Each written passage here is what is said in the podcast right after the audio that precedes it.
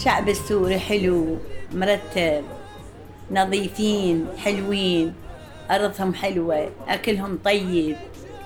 صارت هاي الأحداث لا أن علم بيها ولا ولا خبر على أرضك هاي الطيبة على سوريا الحبايبة. الثورة أو الأحداث بسوريا سموها اللي بدكن يا بلشت قبل 8 سنين. وفتحت الباب لقصص شتات جديدة. ملايين الناس نزحوا جوا سوريا أو لجأوا خارجها. كتير أشخاص كانوا مستقرين ومستورين ببيوتهم بس صار الحل الوحيد إنهم يطلعوا. وفعلا طلعت كتير ناس وسمعنا قصص كتيرة عن الشتات السوري. وبعدين صرنا نسمع قصص عن الغربة والحنين. وإذا التقينا بأي سوري بأي بلد بيحكي عن ذكريات الزمن الجميل. بزحمة هي الأحداث ورغم الاهتمام الإعلامي الكبير في قصص عن الشتات غريبة وحلوة ومعبرة. خليكن معنا بهذا البودكاست من سوريا على طول. رح نحكي لكم قصص ناس بيحسوا بالغربة عن سوريا وهن بالأصل مو منها.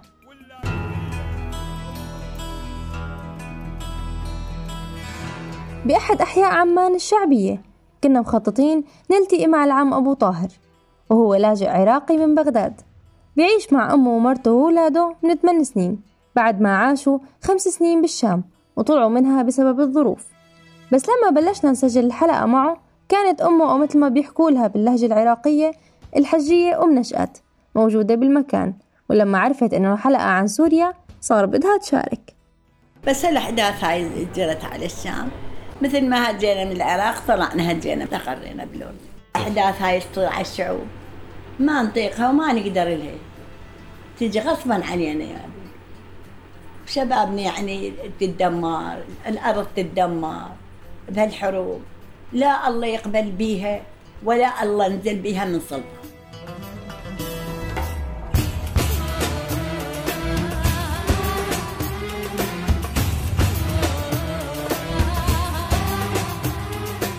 الحجية أم نشأت عمرها فوق 80 سنة ولما وصلت لسوريا بسنة 2007 كانت كبيرة بالعمر. ومع هيك الشام تركت عندها ذكريات حلوة. إي والله حسيت بها بلدي. يعني لا شفنا بها فرق من العراق نفس الحدائق نفس المي نفس ال... نفس الخير. ذاك الأكل الطيب يا بيبي ذاك السوق الحلو بس يعجبك تتفرج بيه. بس شو نسوي الاحداث تصير غصبا على الشعوب غصبا على الشعوب. العم أبو طاهر حاول يوضح كلام أمه وليش بيحسوا إنه سوريا بلدهم. كنا بنحسب فرق. إحنا طالعين من العراق عايشين بجو. من جينا سوريا ما حسينا أكو فرق. تعامل أكو هواي شغلات يعني ما حسينا فرق. أنا ما انقطعت عن جماعتي. صاحب المحل اللي كنت أشتغل وياه في شوفير تاكسي يعني أشتغل وياه أكو صديق لنا لا أكو هواي مجموعة من الأصدقاء. يعني الفيسبوك أنا متواصل وياهم. جروبات همينه كنت أعرف أخبار من عندهم. آه طبعا ما حصلهم نت. لا أي نوع انواع أنواع النت أضطر اشيل رصيد حتى أحكي معهم. في شاب كان عندنا يشتغل نعرفه كان قرايب أبو التاكسي يصلح لي مواسير هناك. وابنه استشهد. فمن أخابرهم آه، أحس بحسرة. لا أقول له معلمي والله الفنجان القهوة هسه عندي اللي تسوي لنا اياه يسوى مليون ليرة.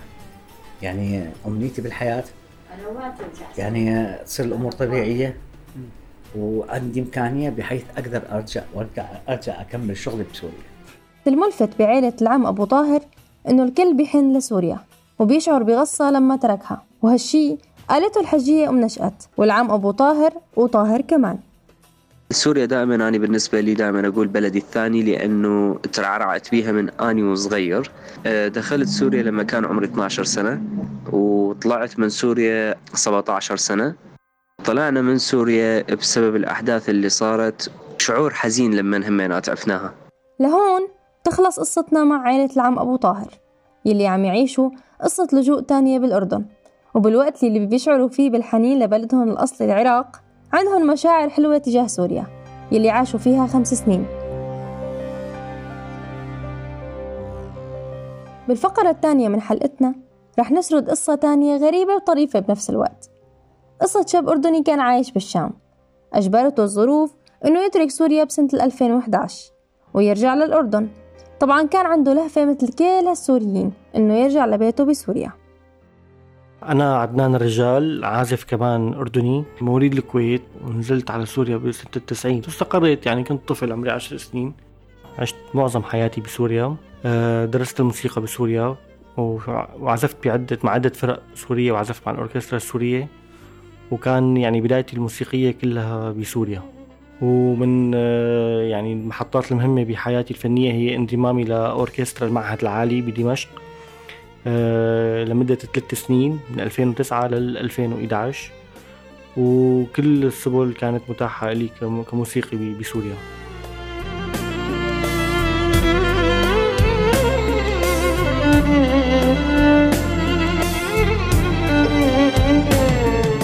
عدنان تهجر من سوريا ب 2011 مثله مثل الآلاف اللي أجبرتهم الحرب إنهم يطلعوا.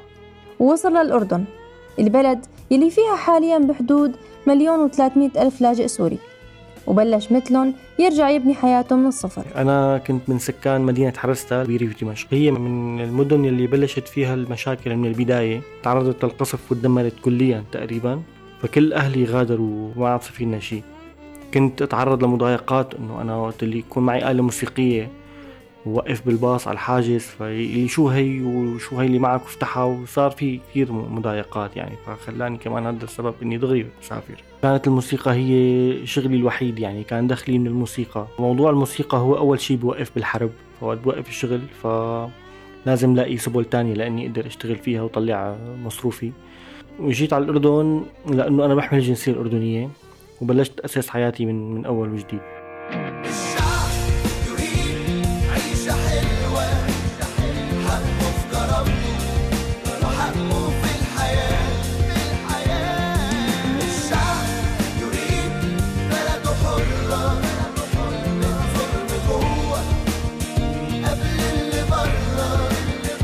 مثل ما سمعتوا عدنان أردني وكمان بيحمل رقم وطني يعني لما طلع من سوريا رجع على بلده.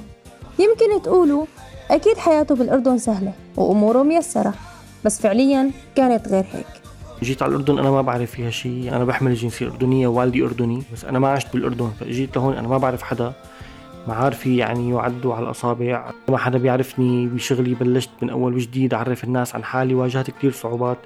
لبينما أعرف الناس مين أنا وشو بشتغل وشو بعمل وصرت أقدم شغلي بطريقة مجانية بس كان هدفي الانتشار بهذا الشيء وما كان في حدا جنبي يعني يساعدني. فهذا الموضوع استمر أكثر من سنة سنة ونص تقريبا لها.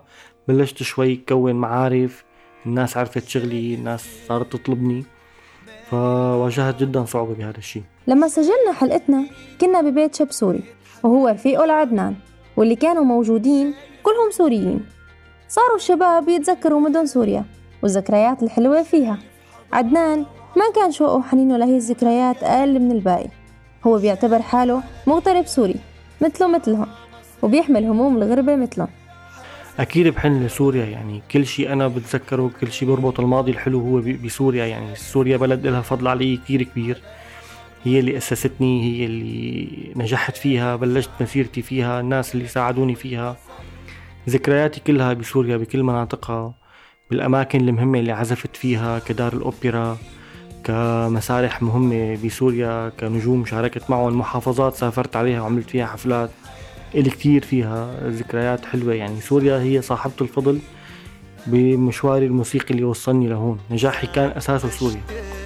للحب القديم والصوت عبد الحليم. لنومي في حضن لبس العيد وإحساس إن بكرة بعيد. ظروف عدنان تختلف عن ظروف عائلة العم أبو طاهر لأنه عدنان موجود حاليا ببلده وبيتمتع بكامل حقوقه كمواطن ومع هيك بحس حاله بغربة. غربته هي البعد عن بيته وتفاصيل حياته القديمة. موضوع اني اشعر بالغربة هذا شيء بيتعلق بال... بالذكريات بالناس اللي حواليك. إنه مثلا أنا ما عشت بالأردن قبل 2011 ابدا كنت اجيها زيارات خاطفة جدا. وقت جيت على الأردن أنا ما عندي أصحاب ما عندي عائلة ما عندي معارف. فالغربة هي إنك ما تلاقي حدا حواليك. يعني إنه أوكي أنا أردني مقيم هلأ بالأردن صار لي 8 سنين بس إنك أنت ما تلاقي هي المعارف اللي جنبك أو ما تلاقي شيء اللي بدك إياه. فأكيد هون رح تحس بالغربة. ف هي الموضوع الغربة إنه أنت ما عندك شيء هون لا ذكريات بهي البلد ولا عندك أصدقاء ولا عندك معارف ما عندك شيء فأكيد بدك تحس بالغربة. بينما كل شيء أنت مؤسسه كعلاقات اجتماعية علاقات مهنية وكعلاقات فنية كلها كانت بسوريا. بعد وجودي لت يعني لفترة 8 سنوات بالأردن أنا يعني ما بقول لك أنا غريب هلأ كثير بالأردن أنا ثلاث أرباع غريب فيك تقول. أكيد بعد ما حكى عدنان عن ذكرياته بالشام وليش بيحس بالغربة وهو بعيد عن الشام؟ صار بدكم تسمعوا شو هي ذكرياته. خليكن معنا واسمعوا شو قال. بمجال عملي بحن لكتير شغلات يعني أول حفلة طلعتها أول مسرح طلعت عزفت عليه أول فرقة فتت عزفت معها وكنت كعضو من أعضاء هي الفرقة اللي كتير كبيرة هي اللي بتضم أهم العازفين بسوريا. مشاركتي بحفلات مهمة مع نجوم كبار نجوم سوريين جدا معروفين. دخولي للأوركسترا أصدقائي اللي موجودين كموسيقيين كفنانين. آه، كتير هذا له ذكريات عندي يعني كتير موجود جواتي.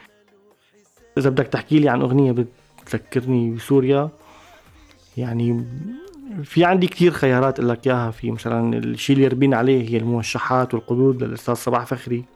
بحب أغنية على موج البحر كثير تذكرني بسوريا.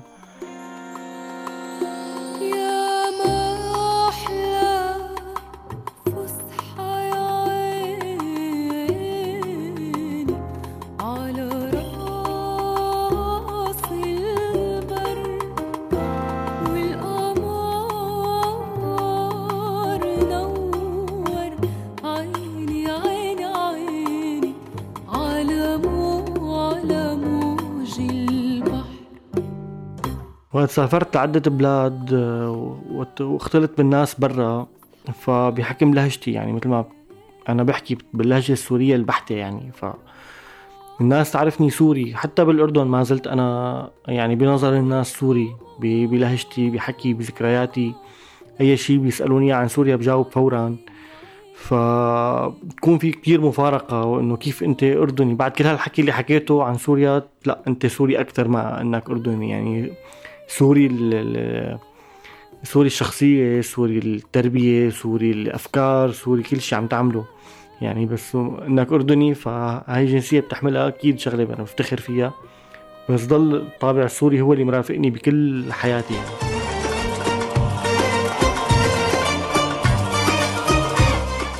ومثل ما حكى عدنان أو حكوا الناس عنه سوري الشخصية وأردني الجنسية. بس هالشي أكيد حطوا بمواقف غريبة ومزعجة أحيانا. تعرضت لمواقف في منها مواقف يعني كانت سيئة للأسف يعني كان في مواقف مضطهدة. أه كنت أحمي حالي إنه بالنهاية إنه أنا أردني فوقف الناس عن تحدى بس أنا أشعر بالسوريين كيف إنه بتعرضوا لمواقف. إنه لا أنت سوري لازم ما تتجاوز حدودك لازم ما توصل لهذا المكان لازم تكون ملتزم لازم تكون يعني في قيود على السوري انوجدت مو بس بالأردن بكثير بلاد.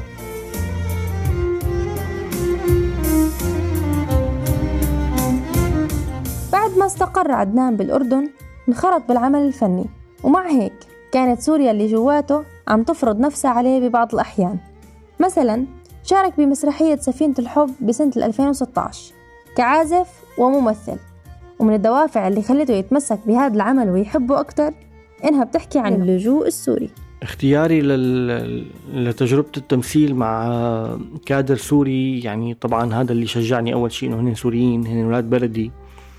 المخرج اللي كان موجود الاستاذ نوار بلبل هو حتى يعني بعرفه من أيام سوريا. فكان في شيء مشترك آه، بالإضافة لهدف العمل اللي انشغل هو بيعكس القضية السورية آه، حمى اللجوء اللي صارت. فكان هذا العمل المسرحي كان له قضية القضية السورية اللي صارت الأزمة اللي صارت التهجير اللي صار. فكان هذا الشيء بيعني لي أنا كشخص يعني روابطي سورية. وروحي سورية وأنا بعتبر حالي سوري. فكان بيعني لي مثل ما بيعني لأي شخص سوري. ثمان سنين والعلاقة بين عدنان ورفقاته ومدينته هي هي ما تغيرت. بيحاول يسمع أخبارهم ويتواصل معهم ويساوي أي شي يحفظ هاي العلاقة. وهلأ عدنان بيتمنى يزور سوريا وحبها لسه محفور بقلبه بس مستحيل يرجع يعيش فيها. آه إني أفكر برجع على سوريا للأسف لأ ما أفكر برجع. صعب جدا إني أرجع أساوي هذا الشيء بعد 8 سنين من العمر يلي مرقوا أنا وقت سافرت يعني شقيت طريق جديد وقعدت بالأردن وعملت عمل خاص فيني بالمجال الموسيقى ونجحت فيه. صار عندي يعني يعني عندي انتشار واسع بالأردن. هذا صعب أرجع إني أتركه أرجع على سوريا بلش من أول وجديد. ف صعب جدا إني أرجع على سوريا كفنان. برجع زيارات أكيد بس إني كفنان أرجع أعيش وأستقر. وكمل الشيء اللي عملته صعب جدا. الزيارة لسوريا أكيد فورا يعني برجع وبزور سوريا من دون تردد يعني. هذا الشيء ضمن الخطة بختام حلقتنا مع عدنان. طلبنا يختصر بجملة واحدة هو شو؟ وكان الجواب لا بدي لك أنا سوري. سوري وبحمل جنسية أردنية. بفتخر طبعا إني أحمل جنسية أردنية لأنه يعني حمتني هي البلد وقدمت لي كثير شغلات ونجحت فيها. بس يعني آه، رابطة يعني التربية اللي تربيتها نشأت بسوريا ف جواتي شيء سوري يعني كثير كبير ف يمكن تعتبرني خلينا نقول نص سوري ونص أردني.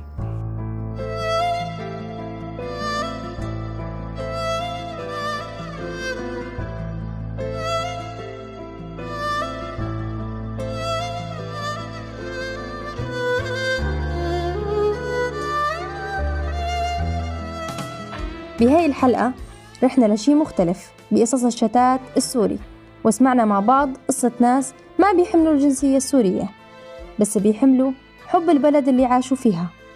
وأمثال عيلة العم أبو طاهر والفنان عدنان كتار بإمكانكم تلتقوا فيهم بأسواق الأردن وشوارعها. وعادي إنك تركب مع تاكسي أوبر أو كريم ويحاكيك الشوفير باللهجة السورية. وإنت كسوري لاجئ بالأردن بتفكر إنه عم يحاول يقلدك أو يحكي بلهجتك.